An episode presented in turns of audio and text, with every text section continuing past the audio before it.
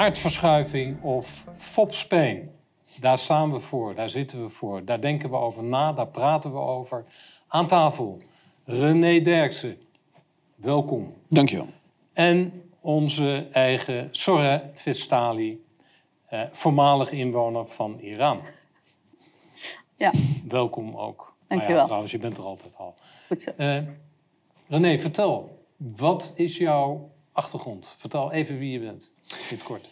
Ehm, zakelijk eh, zit ik in vastgoedbeleggingen, eh, het bemiddelen daarbij. En eh, politiek ben ik twaalf jaar actief geweest in Provinciale Staten voor de PVV en vier jaar in de Eerste Kamer. En sinds de zomer, afgelopen zomer, doen we het eh, voor BVNL in de Provinciale Oké, Staten. Interessant. En een hele goede leider. Dat voeg ik toe. Ja. En, en even, je, je noemt de PVV. ehm, we hebben hier toch een beetje een analyse van ja, waar staan we nu, et cetera. Ehm, de PVV, hoe kijk jij daar op dit moment eh, naar, gezien de uitslagen en de invloed, de eventuele politieke invloed van de PVV op die uitslagen? Ja, die is elke verkiezing weer tanende. Eh, je zag dat ze zelfs ook nu weer verloren hebben, terwijl we toch een immigratiecrisis hebben. Ehm, ik ken de uitslagen van Utrecht uit mijn hoofd. Daar zijn ze van 6,9 naar 5,9 procent gegaan. Eh, en overal is percentage ook weer gezakt. Ja, eh, het is een sterfhuisconstructie, ook omdat daar geen mensen meer bij komen. Iedereen die politiek actief wil worden aan de rechterkant, die gaat naar ja, nou ja, BBB. Ik weet niet of het echt heel rechts is, maar naar Ja of naar BVNL. Eh, dus er is een eh, brain drain aan de gang daar. Dat zie je op alle lijsten. Ja, dus ik denk op de middellange en lange termijn is het eigenlijk wel een beetje klaar. Dan kan je dan Ik- ook niet zeggen, zo- sorry, kan je dan ook niet zeggen dat, eh, dat aan de rechterzijde, als je, hij bestaat niet, hè? Nee, maar eens. goed, we noemen hem zo. Precies. Eh, de nieuwe partijen, de kleinere partijen die niet meedoen eh, aan de, aan de, in het regerings... eh, eh, dat, die, dat, zeg maar, dat publiek eh, een beetje eh, verstoord is. Dat het een beetje thuisloos is. Dat het hopt van de ene partij naar de andere. Eerst naar Forum voor Democratie en dan weer naar de PVV en dan weer naar Ja 21.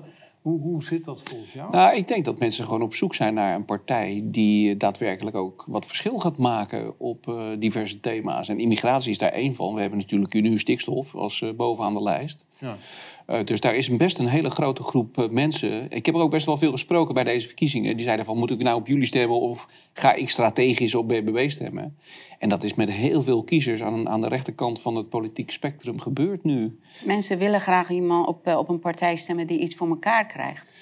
En als ze zo lang met PVV, ze zien dat PVV praat misschien goed of opvallend. Niet dat ik achter eh, PVV sta. Maar ze zien dat in de werkelijkheid niks terechtkomt. Mensen hebben het ook eh, met eh FVD. Weet je, het is...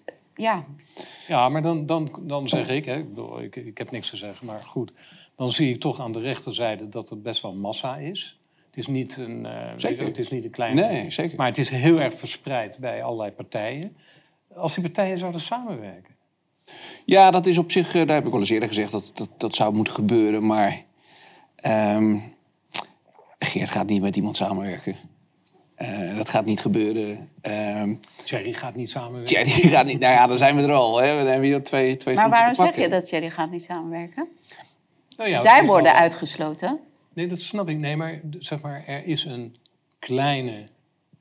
Er zijn veel kleine partijen op dit moment die zich tegen de regeringspartijen richten. Die zijn er. Als je die bij elkaar brengt, Ja. dan heb je voldoende massa om die regeringspartijen te overroelen eh, op eh, stemniveau, maar ook op, eh, op, op medianiveau. En dat gebeurt niet. Dus de, wat je zou kunnen zeggen, maar dat is een analyse van mijn kant. Ik hoop dat je er een gat in schiet. Ehm, je zou kunnen zeggen dat de media, het is meer een vraag, dat de media die verdeeldheid onder die kleine partijen dus in stand houdt. Ja, dat wou ik ook net zeggen. Het, het lijkt of het gewoon echt expres zo wordt eh, geregeerd. Nou ja, je ziet toch dat BBB heel groot is geworden. Eh, die, eh, Caroline had eh, flinke exposure hè, bij de mainstream media. Eh heeft ze fantastisch gedaan. Eh, Het is een market- marketingmachine eh, van je welste, eh, dat hele BBB. Dus dat hebben ze prachtig eh, gedaan. En goed voorbereid, hè? Goed voorbereid. ehm, eh, eh, maar nu moeten, moeten we met, met plasje naar de dokter, zeg maar, bij BBB. En moeten ook de kiezers zien die deze verkiezing als een soort referendum hebben gezien tegen dit kabinet. Kijken waar de rest van de inhoud zit. Uh, daar zit natuurlijk een deel op stikstof. De vraag is, wat gaat er nou precies gebeuren? Ik hoorde ze gisteren zeggen dat ze naar Brussel gaat, naar Timmermans, om te vragen wat er mogelijk is. Ja, dat is, niet, uh, dat is niet een goede houding om naar Brussel te gaan, wat mij betreft. Nou, dat kan je op twee manieren uitleggen. Je kan natuurlijk zeggen, ze wil geïnformeerd worden door, ja. door Timmermans om daar haar eigen plan op te trekken. Het lijkt me wel iemand die haar eigen plan trekt. En die zich niet laat vertellen wat ze wel of wat ze niet moet. Nou ja, dan had ze daar naartoe moeten gaan met de mededeling van... we gaan vertellen dat het zo niet werkt in Nederland meer. Ja, maar... Want dan, heb ik wat, dan kunnen ze, kan ze echt wat voor de boeren betekenen. misschien zegt ze dat ook wel. Maar als zij ja, zo had gezegd, dan werd ze niet elke avond uitgenodigd op televisie... om die standpunten te benaderen. Weet je, het is, ik denk dat zij het heel tactisch oppakt. Maar of dat de juiste houding is nu om iets te kunnen bereiken, daar heb ik mijn twijfels. En ik geloof echt dat in politiek gebeurt niks spontaan. Hè? Iets die heel erg groot wordt, is bijna altijd. Uh, ja, het, het, is ja, spontaniteit geloof ik niet in, in nou, politiek. wacht even, wacht even. Wacht even. De, de, ik denk toch dat er een zekere verrassing was bij de bestaande politieke partijen Zeker. dat zij zo groot is geworden. Dus dat betekent dat de bestaande politieke partijen die willen hun macht consolideren. En die zijn nu een soort aanvalstrategie ehm, aan het ontwikkelen om BBB, uh, eh, zeg maar, nou ja, buiten, buiten of net andersom. De invloed. Misschien proberen ze juist BBB wel aan de borst te drukken om ze onderdeel te maken van uh, de agenda die er verder uitgerold uh, ja, wordt. Dat ja, maakt het nou, en dat maakt het interessant. En daarom heet dit programma dus aardverschuiving of Fopspeen. En, en Ik daar hoor jou ik... zeggen Fopspeen. Nou, ik, ik, denk dat ze op, op dat stikstofdossier wel wat kan betekenen. Namelijk, uh, de provincies uh, uh, in het oosten, Gelderland, ik geloof dat ze in Overijssel 30, 31 procent had.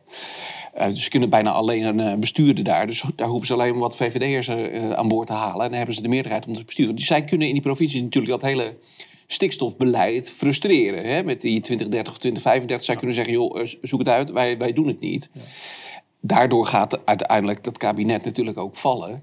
Uh, want het komt er niet van. Het D66-beleid gaat er niet van komen. Dat, denk, je, dat denk jij, ja. Ja, D66 kan niet meer schuiven op 2030. Ondanks dat het helemaal nog niet in de wet staat. Hè. Het staat in het, nee, het staat in het richtlijn. Het ja. staat in het regeerakkoord, maar het is niet uitgevoerd. Dus die provincies kunnen ook zeggen... joh, uh, wij houden ons aan de wet. Uh, wij zien jullie wel weer in 2035.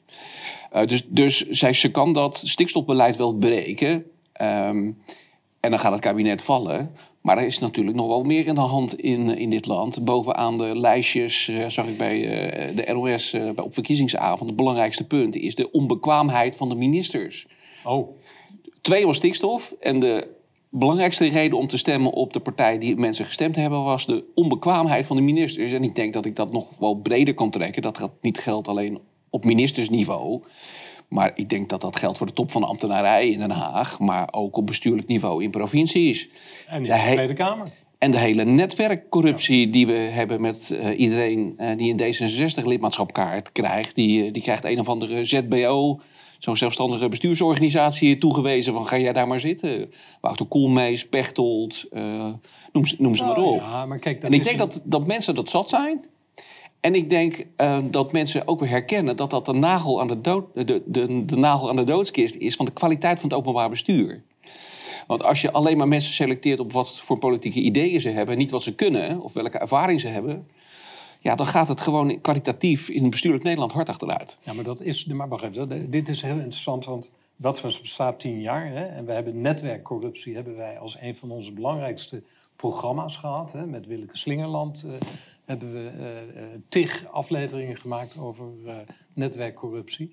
Het is een mechanisme wat zich in de tachtige jaren heeft gevormd. Um, toen is de ontwikkeling in Brussel is op gang gebracht. En toen was de voorspelling, en ik herinner me nog dat uh, PvdA dat op een gegeven moment in het NRC verkondigde. Uh, wij hebben straks in Den Haag niets meer te zeggen. Dus wij moeten met elkaar in het land gaan. We moeten het land ingaan. We moeten dus in de, de, de, de, de Eerste en Tweede Kamer, die hebben allemaal, die zijn buitenspel. Daar kwam het op neer. Wat je ziet is dat politici allemaal in organisaties terecht zijn gekomen, in uh, toezichthoudende uh, rollen, in bestuurderrollen, et cetera. Er is geen organisatie die subsidie krijgt of die betrokken is bij overheidsopdrachten, waar geen politicus in verwerkt is. Dus, en dat kan je zeggen, dat is een vorm van netwerkcorruptie, die, want daarmee uh, ontwricht je als het ware de vrije markt. En de, de besluitvorming uh, rondom uh, opdrachten, et cetera. En de kwaliteit van, van de hele samenleving. Maar om dat weg te nemen, om dat schoon te krijgen, moet je half Nederland ont, ontmaskeren. Ja, ja, nou ja, dat is wat, misschien wat, wat ingewikkeld. Maar je moet, um, net zoals bij de spoorwegen, moet je iemand nemen die en verstand heeft van treinen en verstand heeft van een organisatie leiden. En niet iemand die uit de Tweede Kamer komt rollen of die toevallig staatssecretaris is geweest. Maar dat zie en je nu ook... is waarschijnlijk een hele Rotterdammer, dus waarschijnlijk een hele aardige gast. Ja, maar die, is wel, ja, maar die hebben wij ook in de studio gehad en die, die en die aardig, vooral. En misschien heeft hij ook nog wel kwaliteiten, maar je kan hem toch niet voor de leeuwen gooien bij een grote onderneming waar hij geen verstand van heeft uh, qua techniek, maar ook niet qua het leiden van zo'n organisatie. Ik vind dat onverantwoord. Maar dat zie je ook nu bij BBB. Hè? Als zij echt uh, aan de macht komen, hebben zij genoeg vakkundige mensen die overal verstand van hebben. Dat hebben ze ook niet, want de partij is zo groot, zo snel gegroeid, dat ze ik... Nou, ze hebben wel opgelet, maar wat mij opvalt dat er veel oud-VVD'ers en CDA'ers zitten. En um, de grootste problemen die we in dit land hebben, is dat we in dit land niks meer te vertellen hebben, omdat alles uit Brussel komt. En dat zijn wel de mensen, VVD en CDA, die dat geregeld hebben. Ik bedoel, dat zijn de partijen die al onze soevereiniteit hebben uitgeleverd aan Brussel. En ik denk dat het belangrijkste is wat de politiek vanaf nu zou moeten doen, is zorgen dat we beetje voor beetje, dossier voor dossier, die soevereiniteit uit Brussel weer gaan ophalen. En dat willen ze niet geven, dus dat zal je moeten afdwingen. Maar hoe? Hoe moet je nou ja, dat gaan afdwingen? We zijn de grootste netto-betaler. Uh, dan ben je Chanteren bedoel je? je macht gebruiken, je macht gebruiken die je hebt. Kijk, je kan van Erdogan zeggen wat je wil, maar als de twee landen bij de NAVO willen uh, en hij heeft de macht om een deel van zijn agenda uit te voeren, dan regelt hij dat gewoon. Ja. En dat zou je als Nederland ook moeten doen. We hebben problemen met. Uh... Nederland heeft die mentaliteit niet, René. Nee, maar dat, gaat nooit komen. Nee, ja, maar dat moeten we gebeuren. We moeten bestuurders hebben die nu in het belang van Nederland optreden en niet in het belang van zichzelf. Ja, maar dat en, is inderdaad, en de baantjes die ze, die ze bekleden. Want het maakt ze allemaal niet uit wat er uit Brussel komt. Want zij zitten daar en ze vinden het wel mooi. En Mark mhm. reist de wereld rond. Zwaait naar iedereen, ook al kijken ze, kijken ze niet aan. Tot, tot en met de tachtig jaren hadden we vakbestuurders. Dat betekende, in het ziekenhuis had je een arts, die was, direct, die, hè, die was directeur. Uh, in de scholen had je, had je directeuren en dat waren onderwijzers. Precies. Kortom, je had vakdirecties. En uh, ook, in het, uh, ook op de ministeries had je vakministers, dat klopt. Maar is het niet zo dat de samenleving zo veranderd is en dat dat vak, die, bestaat dat eigenlijk nog? Als je zegt van uh, iemand, moet, iemand is ingenieur, wordt minister van...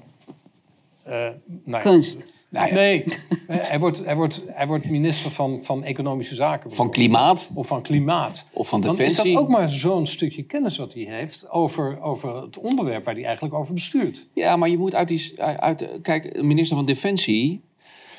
Stel, stel je bent soldaat en ze sturen jou uh, op missie naar Mali... en je krijgt uh, slechte wapens mee en er gebeuren grote ongelukken mee. Maar jouw minister is iemand die uh, vorige, vorige periode Binnenlandse Zaken deed. Die geen idee heeft wat een wapen is, of wat een IP is, of een Leopard tank. Ik vind dat zo'n enorme minachting voor de mensen van Defensie. En de soldaten die hun leven wagen in welke oord dan ook in de wereld. Dat ik eigenlijk niet begrijp dat ze uh, dat ze dat vak nog willen uitoefenen als je zo geschoffeerd wordt. Kijk, als je gewoon zo'n minister hebt die geen verstand heeft van zaken. Of als jij, ik zeg het anders, als jij een minister hebt die verstand heeft van zijn zaken, dan, kan die, dan gaat hij never nooit citeren. Dus als jij iemand hebt die niet zeker is van zaken die hij doet, dan, dan neemt hij het makkelijker aan van mensen die hem een opdracht geven. Omdat ja, ook die machtspositie is heel erg aantrekkelijk en om het te behouden. Ah, maar wacht even, want het gesprek gaat nu alle kanten uit. ik heb heel sterk het. Ik, ik wil het even tot een punt brengen. Je zou kunnen zeggen dat uh, in bestuurlijk Nederland het niet meer om het vak zelf gaat, maar het gaat om de politieke, uh, de politieke kwaliteiten die iemand heeft. Want je hebt de bestuursacademie, die heb je in, eh, in, volgens mij in Tilburg en in Amsterdam of in Den Haag. Eh, mensen worden echt opgeleid voor bestuurlijke functies vanuit de politiek. En je ziet dus dat overal zitten politici en alles wordt politiek eigenlijk aangestuurd. Maar laten we het ter- terugbrengen. Ik vind het wel een mooi voorbeeld. Laten we terugbrengen naar stikstof. In de Tweede Kamer zit de woordvoerder van de VVD, eh, Thomas van Kampen. En het gaat mij niet om eh, deze persoon zelf, maar om wat, wat er gebeurt. Die komt van school, die gaat eerst koffie zetten bij de VVD-fractie... en die klimt een beetje op en die wordt dan woordvoerder eh, stikstof. Nog nooit een baan gehad. En die gaat nu boeren vertellen dat ze van hun land af moeten. Ja, ja nee, klopt. Ik vind dat onbestaanbaar. Als partij dat iemand eh, dat doet, maar ook als persoon, zou ik dat ooit gedaan hebben als 30-jarige tegen generaties zeggen: je moet wegwezen, terwijl ik geen idee heb wat daar voor leven achter zit, wat voor geschiedenis daarachter zit, wat voor een arbeid daarachter zit. Ja, maar dat is dus eh, eh, van is zijn persoon, maar ook voorbeeld, hè, ja. dat is één voorbeeld. Maar zo zijn er tal van voorbeelden. Zeker op het ogenblik in de Tweede Kamer zitten alleen nog maar mensen die, nou, alleen, ik, ik chargeer, maar er zitten veel mensen die er alleen zitten omdat ze de leider van de partij dienen. Ja. Dat, Maar in plaats van het land. Dat is, je zou kunnen zeggen, dat is, eh, het, heel veel politici hebben een achterstand op de arbeidsmarkt. Ja. Dat zou je kunnen zeggen. En worden door de politiek door een wasstraat heen gevoerd. En dan vervolgens is het de politicus. Ja. Dat is het. En eh, je ziet dan de ontmenselijking. Hè? Want eh, wat jij zegt, boeren die worden, die worden ehm, verteld dat ze van hun land af moeten door, een- door, Een broekie. door een broekie. Die niet eens weet hoe die zijn broek moet ophouden. Ehm, je hebt, eh, nou, we hebben met Welsmans heel veel verhalen hier, dit soort verhalen gehad. Ehm, maar je ziet nu bij de BBB, om daarop terug te komen, je ziet nu bij de BBB dat er ineens echte mensen in de politiek terechtkomen die niet door de wasstraat zijn gehaald. Ja, ik Die heb, wel uit het. Maar hebben ze dan die werkervaring wat jij zegt? Ja, nee, nee, toch? ik denk dat heel veel mensen komen van het platteland eh, in de Ja, maar dan, dan gaat en- het om, Ja. over één dossier, toch? We hebben Ja, dat, precies, dat gaat om één dossier. En dat is ook dus nou, de kwetsbaarheid van de BBB, denk ik. Want het was tijdens op issue. Ja, ze hebben aan een van die mensen die is gekozen, ik weet niet meer eh, wie het was. Ze vroegen wat is de positie van BBB eh, als het over oorlog gaat. wapens aan Oekraïne. Ja. Ja, ze wist gewoon niks en ze wilde ook niks zeggen. Ze wilde dat even gaan vragen, maar dan denk ik, ja, je specialisme is blijkbaar over. Het gaat alleen maar. Ja, maar dat is ook onderwerp. heel flauw natuurlijk. Want die mensen Waarom? zijn dus echt, omdat het een one-issue-partij is... het is een marketing eh, eh, gebeuren. Eh, ze hebben zich heel sterk gemaakt eh, voor de boeren, voor de provincies... tegen het stikstof en tegen alle beleidsmaatregelen die er omheen hangen. En, eh, en daar zijn ze gewoon de komende vijf, zes, zeven, acht jaar... zijn ze er nog wel mee bezig.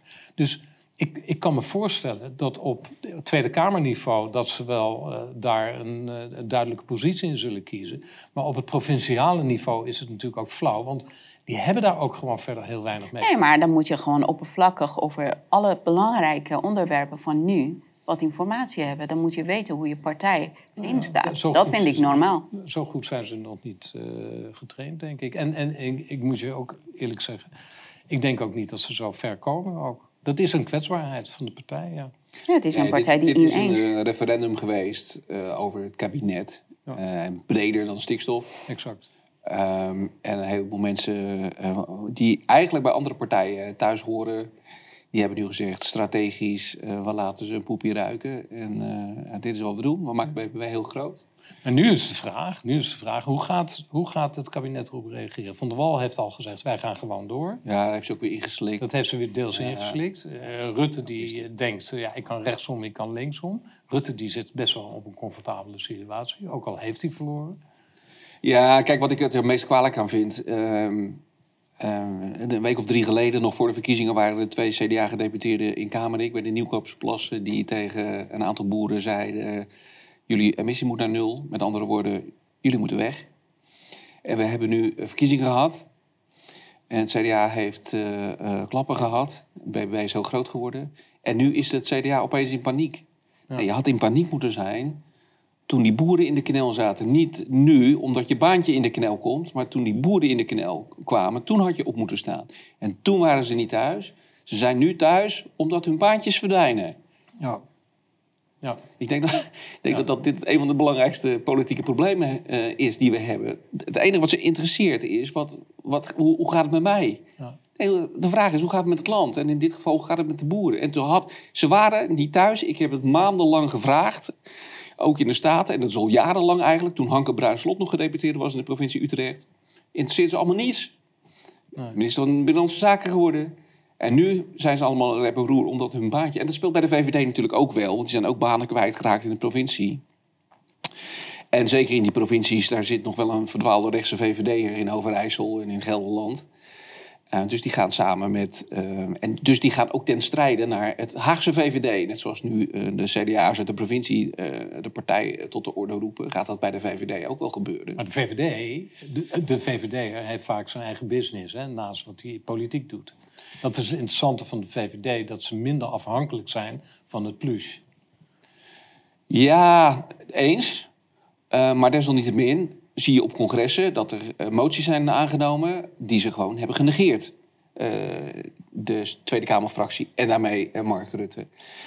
En dat gaan ze nu niet meer pikken. Nee. Dus zij zullen niet meer accepteren, en daarom gaat het kabinet vallen. Zij zullen niet meer accepteren dat nu de VVD nog verder over links met GroenLinks, Volt en PvdA in de, de ene zetel in de Eerste Kamer. Even, vertel eh, even Denk- hoe, hoe gaat dat, hoe gaat, eh, wat gaat er gebeuren? Hoe gaat dat vallen? Kun je Ja, daar Ja, dat wou ik ook Ja. vragen. Dus je, je, je, je gaat ervan uit dat het kabinet gaat vallen. Heel Ja. veel mensen zeggen van niet. Ze ik denk het wel. Ja.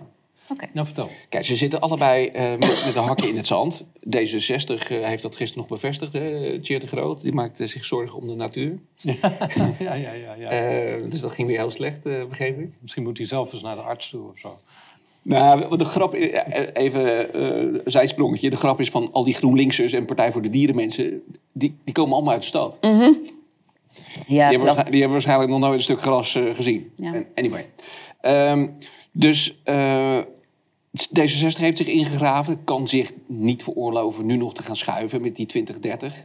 Dat gaat niet meer. Ehm, dan zijn ze volstrekt ongeloofwaardig. En het CDA kan zich niet veroorloven om te blijven zitten. Om er niet te schuiven. Dus ja, daar gaat wat eh, gebeuren. En Rutte die, doet, eh, die gaat lekker achterover zitten. Die ziet het Die, die wacht af. die wacht af. Eh, want, want wie breekt, betaalt. Bij de verkiezingen is het adagium. Dus Rutte, die, die, zit- die, eh, die denkt, eh, ik zie het wel. Eh, en die gaat weer achteroverleunen. En die laat die twee dat uitvechten. Maar ik zie het CDA dit niet uitvoeren. En dan gewoon Oh maar- zeggen, ook voor hun bestaansrechten. Ja. Welk bestaansrecht hebben ze nog als ze... Het was een partij, een partij van de provincies. Een partij van het platteland vroeger. ja. Dan stellen ze iemand aan van McKinsey. Ik ken hem uit de Eerste Kamer. En ik vond Hoekstra in de omgang buitengewoon aardig man. ja. Maar het is een McKinsey-man en die zou dan het platteland moeten vertegenwoordigen. Ja, dan, dan heb je ook niet heel erg nagedacht over waar je positie op het politieke bord is. Op dat niveau wordt er ook helemaal niet Nee, klopt. Dat is, eh, maar wat, wat ik interessant vind, dat is die rol van het CDA. Hè? Want die zit gewoon met vingers tussen de deur. En die is helemaal dicht. En die vingers die zitten er nog net aan. Hoe lijkt het? Een beetje bloederig maar eh, als je... eh, wil- eh, er zijn twee mogelijkheden. Hè? Of ze zeggen van, we doen niet meer mee. We stappen uit. CDA? Ja, CDA. Stel dat ze dat zouden zeggen. Dan zijn er nieuwe verkiezingen. Die zijn ergens in het najaar. Is dat het voordeel voor het CDA als er nieuwe verkiezingen komen? Nauwelijks. Nauwelijks? Nauwelijks. Zou je niet kunnen zeggen dat al die mensen die op BBB hebben gestemd... Hè, die tegen het, eh, tegen, eigenlijk dus gestemd hebben tegen het eh, beleid... die zien dan ineens het CDA als medestander van, het, eh, van die... Ja, maar, Dus maar, daar, daar zou je winst uit kunnen verwachten. ja, maar kijk waar ze vandaan komen. Ik, ik geloof dat ze in Utrecht, provincie Utrecht, hadden ze volgens mij zo'n beetje de meerderheid. Als je van 20 jaar terug gaat of zo. En dus die komen van heel ver. Ja. En die hebben zoveel ingeleverd. En ik denk ook niet dat je door nu een keer een standpunt eh, in te nemen... dat eh, een beetje meebuigt met de achterban in de provincie... dat je dat vertrouwen weer terug hebt. Nou, maar je kan wel zeggen, als ze blijven zitten, missen ze het vertrouwen helemaal. Ja, dan is het klaar. Dan is het echt klaar. Dan is het klaar. Dus, en als je het dan toch over baantjes hebt en plus, dan Daarom moeten, ze, kunnen daarom moeten ze wel. Dan zouden ze eruit moeten stappen nu, om in ieder geval een gezicht te laten zien, Ja. waarmee daar in de toekomst wellicht nog mogelijkheden zijn. Alleen met zo'n verkiezing gaat dat vertrouwen natuurlijk niet in één keer herstellen. Zeker niet als BBB daar zit. Want die hebben... Nee, maar als ze blijven zitten, daar waren we het over eens. Ja, als ze blijven zitten, is het helemaal ja, is het klaar. Maar wordt het voor de VVD ook wel moeilijker en moeilijker? Want ik geloof dat er ook een peiling was, eh, ik weet niet of dat de hond was of iemand anders, dat ehm, de VVD-kiezers ik- 60, 65 procent liever met over rechts, BBB, moet- gaat besturen dan nog verder over links. Ehm, dus ook daar zit wel druk. Ja. Alleen dat speelt zich niet zo af, af eh, voor de camera. En Rutte denkt, eh, dat is best. Laat, eh, laat Wo- Wopke de kolen uit het vuur halen. Ehm, ik ga dadelijk naar de NAVO. Heb je, heb, je, heb je gerealiseerd dat de D66, dat het eigenlijk helemaal niet zo heel erg uitmaakt of D66 nou wint of verliest en met hoeveel mensen ze in de Kamer zitten en of ze nou in de regering zitten, dat maakt eigenlijk allemaal niet uit. Ze hebben al hun posten in de samenleving hebben ze Ja, al het. uitgestrooid. En ook al zijn ze niet meer in de Kamer vertegenwoordigd, ze zijn in de samenleving vertegenwoordigd en bepalen het beleid op, op, op, op alle niveau. Eens, en die analyse van Thierry, die heeft eh, Thierry wel eens gemaakt, die analyse, dat je je moet eh, ja, nestelen in de eh, instituties. Ja. Die was natuurlijk wel terecht. Eh, en die was raak, want daar, eh, we hebben nu eh, op, op lagere scholen dat gedoe met lentekriebels, zeg Ja. maar. Ja, en dat is verschrikkelijk. Ja. Maar ze zitten, ze zitten, zitten overal. Eh, voor de, de voorzitter van VNO-NCW, werkgeversnotabene, Ja. eh, is D66. Ja, you name it, is Nee, D66. nee, nee, alle Maar dat zien wij ook in kleinere mate met GroenLinks ook, hè? GroenLinks is nooit groot geworden, maar we zien heel veel mensen van GroenLinks in elk instituut. ja, hun in- eigen standpunten. dat is- ja, maar GroenLinks heeft wel een achterstand wat dat betreft. Omdat GroenLinks ook eigenlijk een geschiedenis heeft als terroristische organisatie. Hè? En Oh, daardoor kunnen ze een aantal, ja, en daardoor kunnen ze een aantal posten, mogen, ze- zullen ze ook nooit kunnen, kunnen beheersen. Dus Nee, maar die zitten ook best wel in eh, diverse. Neem eh, eh, Paul Rozemuller, die Ja. is intussen bij het ABP toegetreden. En daar, nou ja, daar mogen alleen nog maar groen geïnvesteerd worden. Dus dat is buitengewoon slecht voor de mensen die denken dadelijk nog pensioen te krijgen voor het ABP. Want dat levert natuurlijk eh, veel minder op. Dus die zitten ook wel op bepaalde posten waarvan je denkt, ja, hoe krijg je het voor elkaar? Ja. Ehm, dus je, je zal, als je een, een keer een kabinet krijgt dat eh, over rechts gaat, eh, stevige ministers moeten hebben die ook gewoon zeggen, zo gaat het gebeuren en anders niet. Maar je krijgt onwijs veel tegenstand vanuit al die instituties waar al die eh, D66'ers eh, zitten.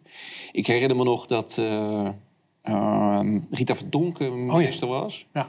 En die zou dan moeten aftreden, want ergens in Afrika, ik weet niet meer waar, maar had iemand een kruisje op een formulier verkeerd gezet. En daar was hij voor verantwoordelijk. En dat, nou ja, het liep slecht af.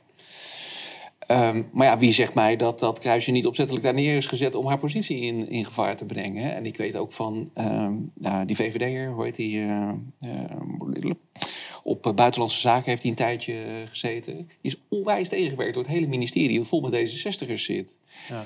Eh, dus je hebt wel eh, wat, eh, wat te doen als je een minister Je wordt. krijgt, je krijgt- ja, maar je krijgt de schoonmaak in Nederland niet zo voor elkaar. Dat kost tijd, dat krijg je in vier jaar niet van elkaar. Nee, niet in Met al deze maar- problemen die we hebben al sowieso niet. Nee, nou ja, ik denk dat je het helemaal niet voor elkaar krijgt. Of we moeten een revolutie uitbreken met alle ellende die er omheen hangt. Weet je, Nee. weet je René, dat is een wereldwijde agenda die overal moet uitgerold worden.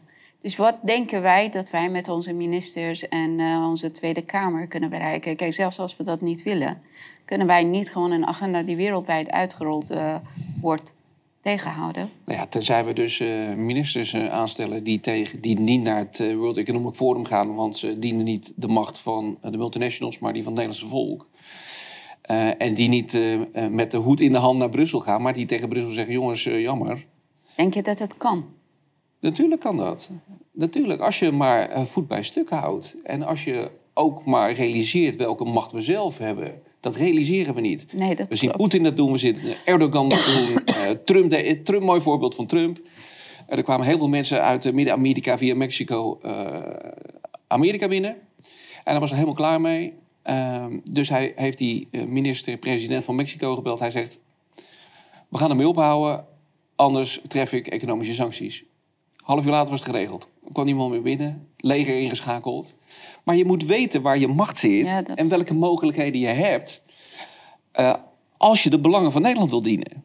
Als je alleen de belangen dient van ik moet volgende week nog een baan hebben eh, bij het eh, Europees Parlement of eurocommissaris of ik moet kijken of ik bij een ABP nog een baantje kan krijgen. Ja, dan ga je voor Nederland niet veel voor elkaar Maar krijgen. wa- Wat je zegt is, je bent minister.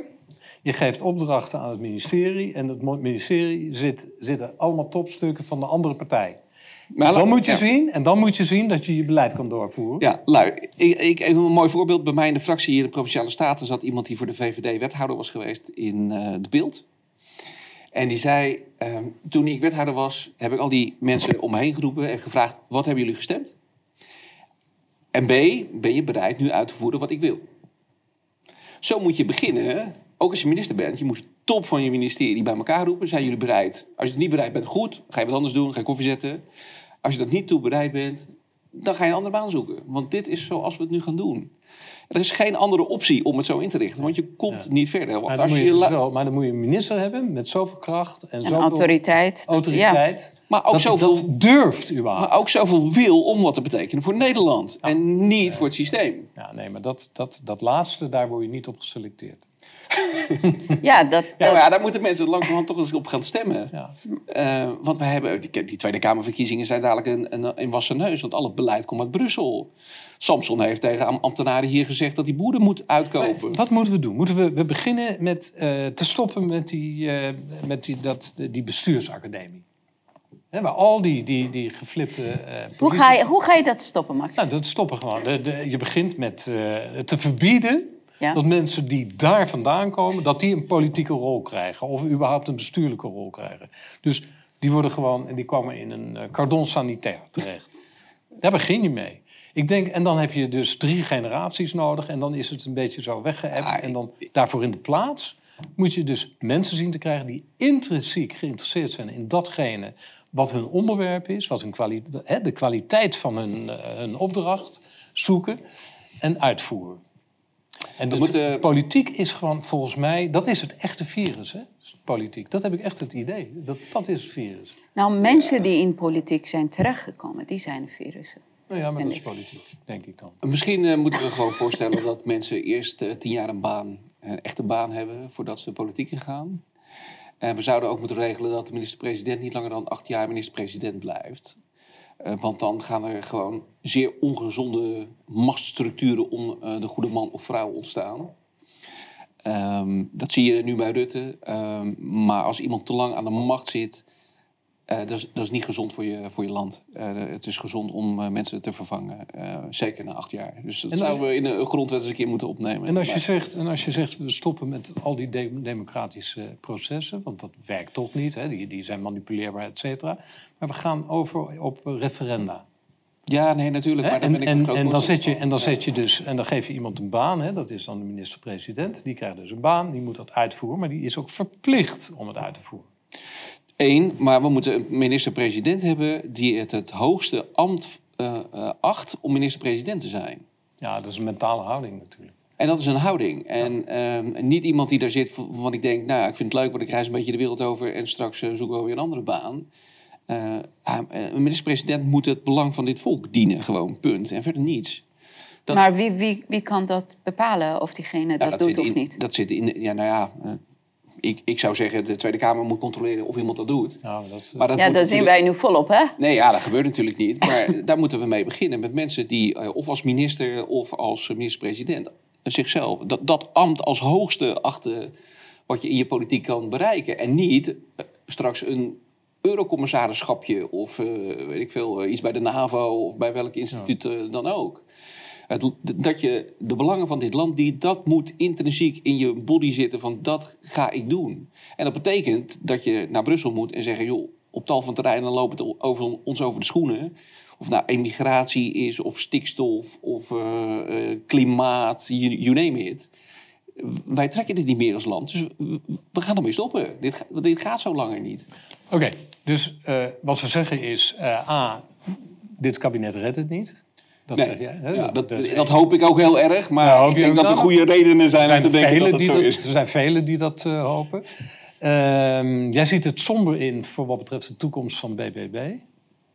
Nou, somber, dat, dat, daar ga ik niet helemaal in mee. Kijk, eh, wat je, wat je nu ziet is dat er een heleboel mensen gestemd hebben op BBB als proteststem. Ja. Die inhoudelijk misschien ook veel dichter bij BVNL zitten. Of misschien wel bij andere partijen. Maar die nu hebben gezegd, ik wil het protest tegen de gang van zaken in dit land laten horen. Dus ik stem op BBB. Dus Uh, dus die moeten het nu waarmaken en het zal inhoudelijk, immigratie zijn ze redelijk soft. Ik, ik zie ze voor moties met belastingverhoging stemmen. Dus, Ook die oorlog.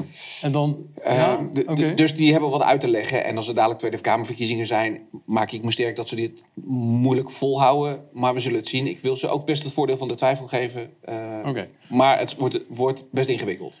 Dan hebben we nog het punt van de politiek zelf. Hè. De politiek zelf uh, is buiten haar eigen oevers getreden.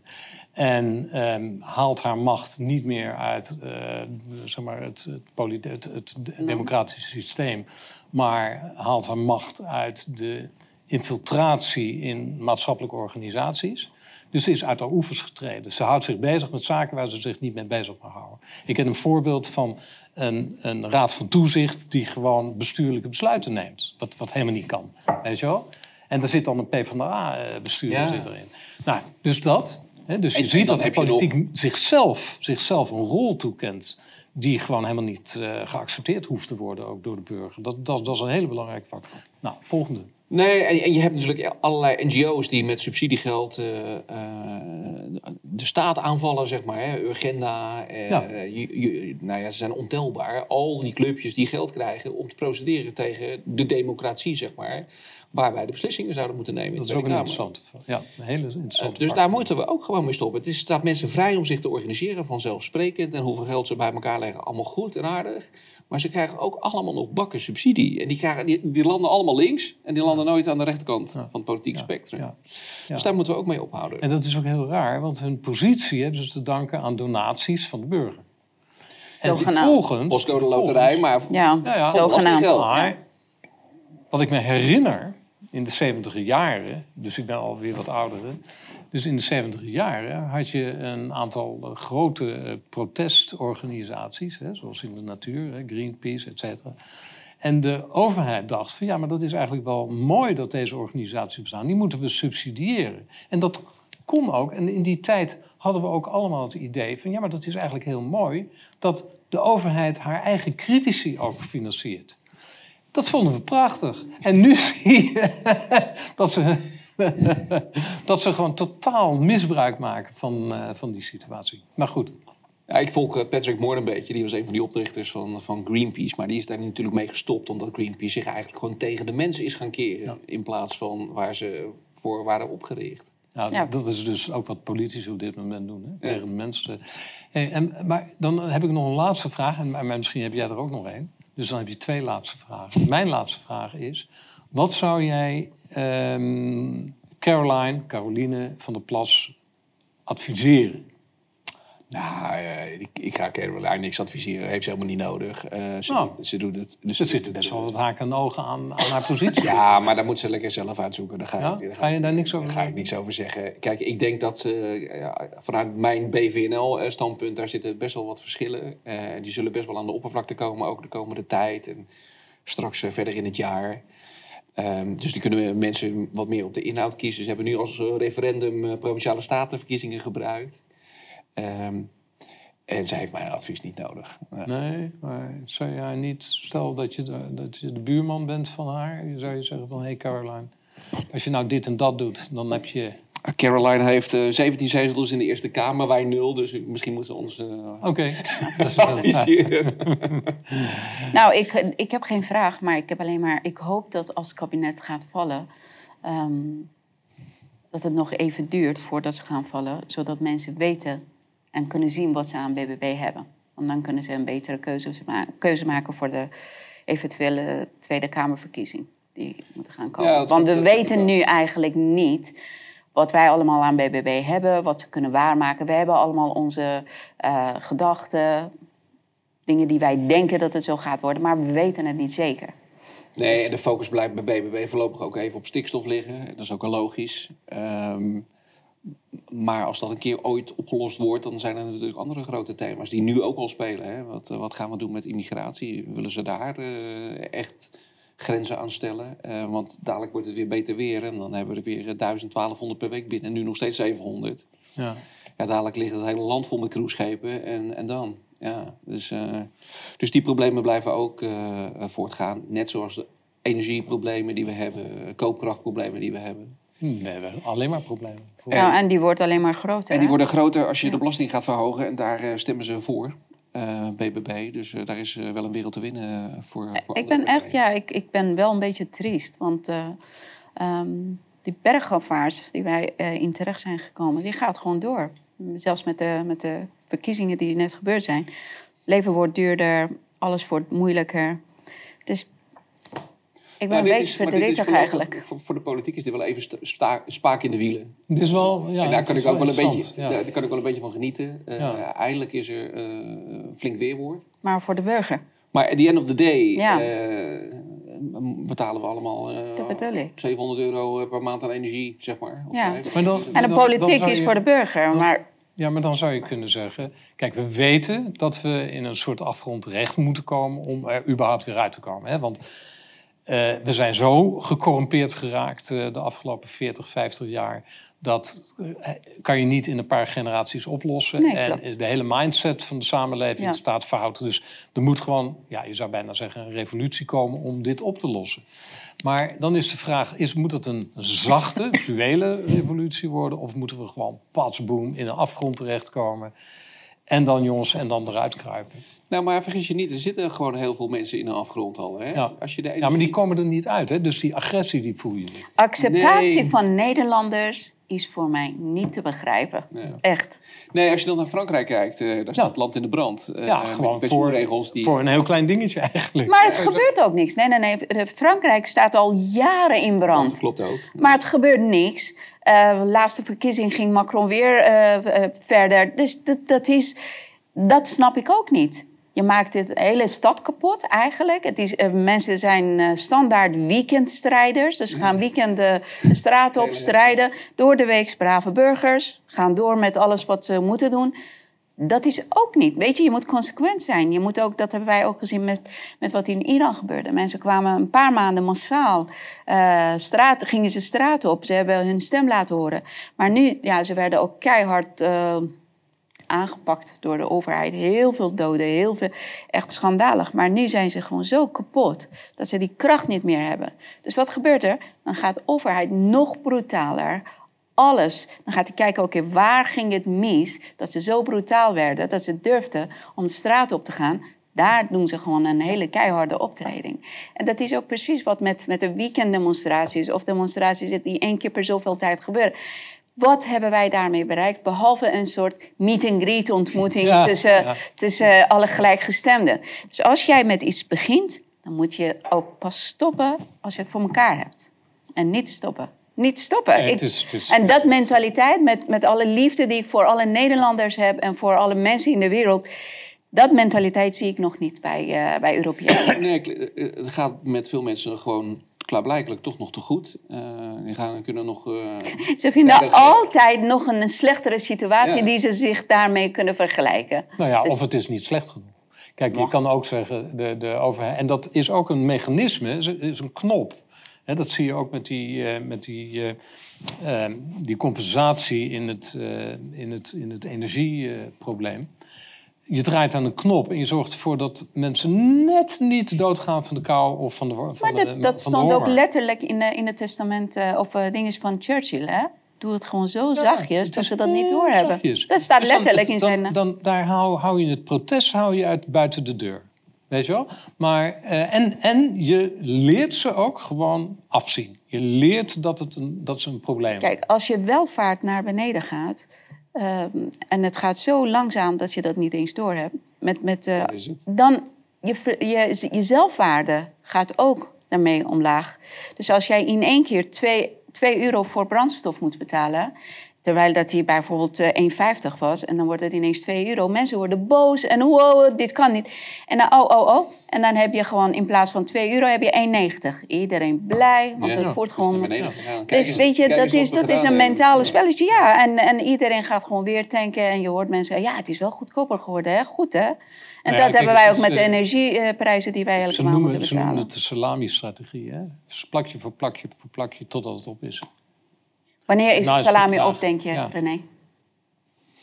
Ik vind dat een moeilijke vraag. Ehm, ik heb daar niet direct een antwoord op. Ehm, maar het gaat met een heleboel mensen natuurlijk al heel, heel slecht. Ik geloof dat eh, een miljoen mensen energierekening niet meer betalen. Er gaan- worden senioren met onderkoelingsverschijnselen in een eh, ziekenhuis gebracht. En we laten dat gewoon gebeuren. Er, zijn heel, er is een groeiende groep, een snel groeiende groep, die zich sou- soeverein wil verklaren. Daar nemen ze allerlei eh, juridische risico's voor.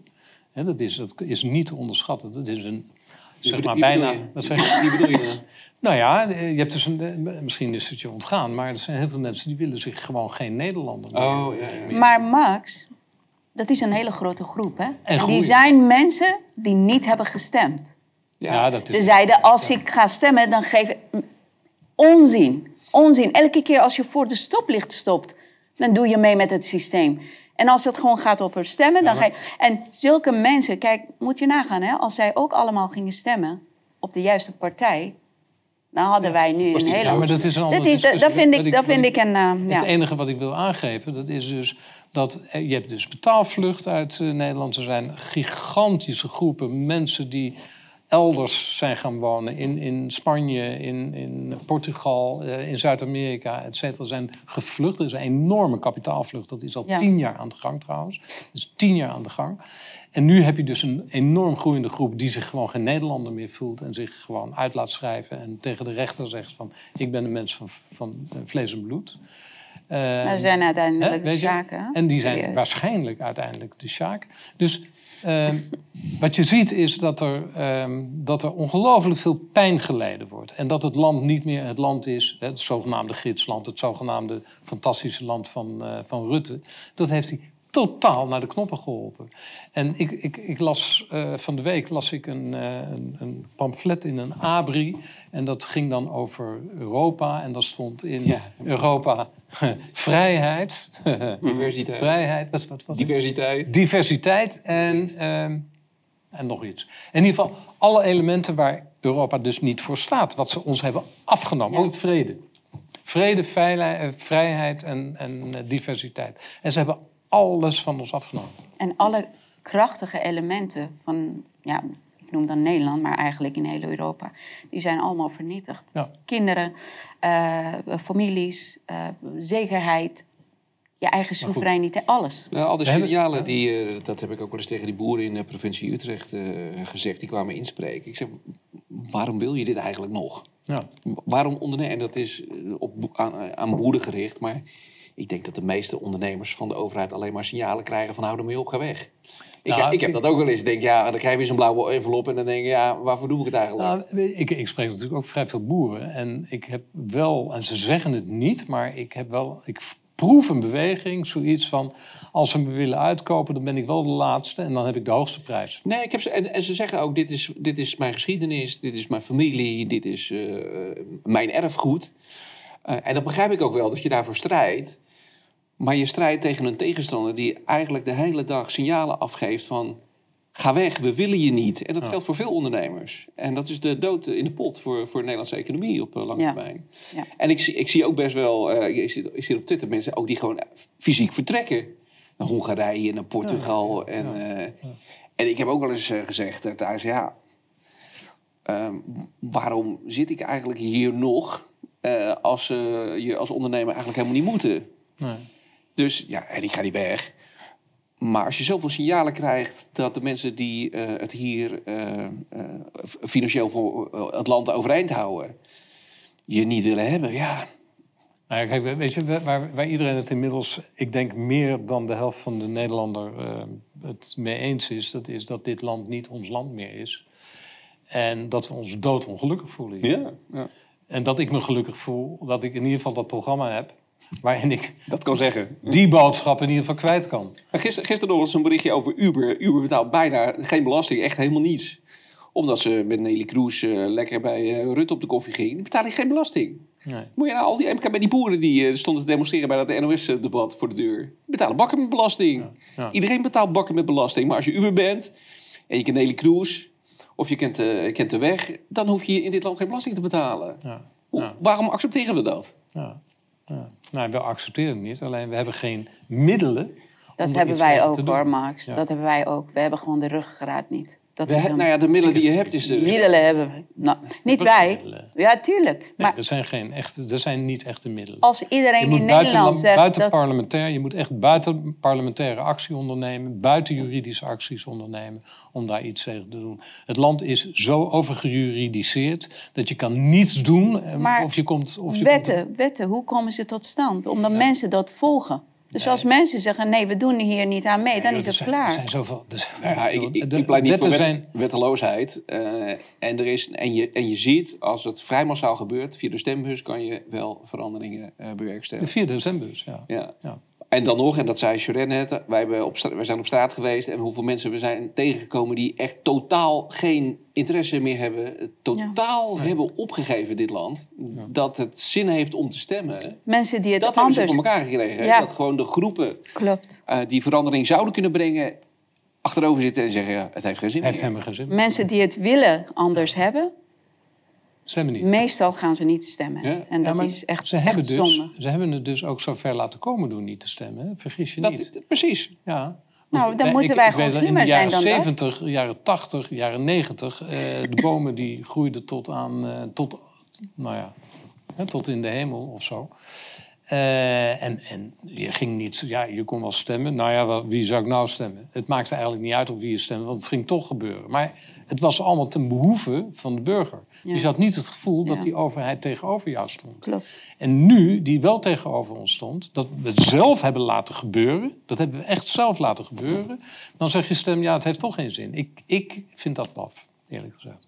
Ja, maar ze hebben het wel zo geregeld dat 40% niet meer gaat stemmen bij provinciale statenverkiezingen. En Ja. bij de Tweede Kamer is het wat, eh, wat beter. Hey, en als je nou, als je nou een 81. wet, als je nou een wet, wet eh, maakt, hè, gewoon een verplichting, Stem- stemplicht. ja, stemverplicht. Ja, dan, komen, eh, ja, dan moet je ze allemaal gaan beboeten. Ja. in Bel- doen ze trouwens niet. In België hebben ze nog stemplicht. Ja, Dus de opkomst wel heel hoog. ja. Maar hebben ze dan ook juist de partijen aan de macht? Jawel. Kijk, dat wij... Ja, Eh, jawel, dat bedoel mijn- ik, dus mijn dat zegt niks. Het wel- gaat gewoon om goede informatie. Dat is het natuurlijk. Ja. Goede informatie. Ja. En- Met dwang kan je zoveel voor elkaar krijgen, maar of je ook de juiste resultaat behaalt, dat Ja, is... maar nu hebben we niks. Hè. We hebben die stemplicht niet en we hebben geen goede informatie. Dus Dus als wij iets voor elkaar willen krijgen, dan moeten wij gewoon zorgen dat iedereen juiste informatie krijgt. Oké. En dat heeft BBB natuurlijk heel goed gedaan. Het is in al die eh, mainstream media eh, dagelijks eh, in beeld eh, geweest. Maar zij legt het ook helder uit, hè? En ze is Ze communiceert. Kijk, ze is 100% anders dan Pim, maar ze zijn allebei authentiek. Ja, En dat klopt. herkennen mensen en dat waarderen mensen. Ja. Pim was zichzelf.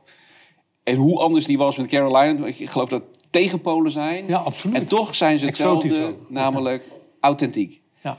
En ze laten zich niet van de wijs brengen. Nee. Eh, dat hebben ze goed gedaan. En ze, ze was overal uitgenodigd, ik denk voor de kijkcijfers of zo. Dus dat is ook wel een beetje beangstigend, dat je dus die MSM nodig hebt om toch goede resultaten te halen. Nou, wat ik wel weer goed vind, is dat MSM in ieder geval daarop gereageerd heeft. Zeker. Ze hadden het ook kunnen negeren. En wat ze met eh, Thierry eh, vier jaar geleden hebben gedaan, dat is gelijk een uitspraak van hem eh, uitvergroten. Waardoor die weer buiten de deur Ja, wordt gezet. heeft hij het een beetje ook naar gemaakt. Ja, hè? Dus je moet, maar- je moet ook opletten aan deze kant van het politieke spectrum, eh, wat je zegt. Je moet ze de gelegenheid niet bieden om dat soort dingen te doen. Dan moet je opletten. En, en terecht, zou ik ook eh, zeggen. Want A, je weet het. Dus naar links zullen ze dat niet zo snel doen. Hè? Die zeggen ook wel eens wat waarvan je kan zeggen, nou, eh, leg eens uit. Eh, maar je moet, dat, eh, je moet gewoon daarop letten. Dat, geef ze geen munitie om je af te kunnen branden. En dat heeft het, ja, Thierry niet goed gedaan. Nou ja, Geert ook niet. En BB, BB, En BB wel. Ja, vooralsnog helemaal geen gekkigheid. En, en je kan het op politiek inhoudelijk straks op allerlei dingen niet of wel eens zijn. Ehm, maar laat je niet vangen door allerlei gekkigheid. Nee. En dat hebben ze goed gedaan.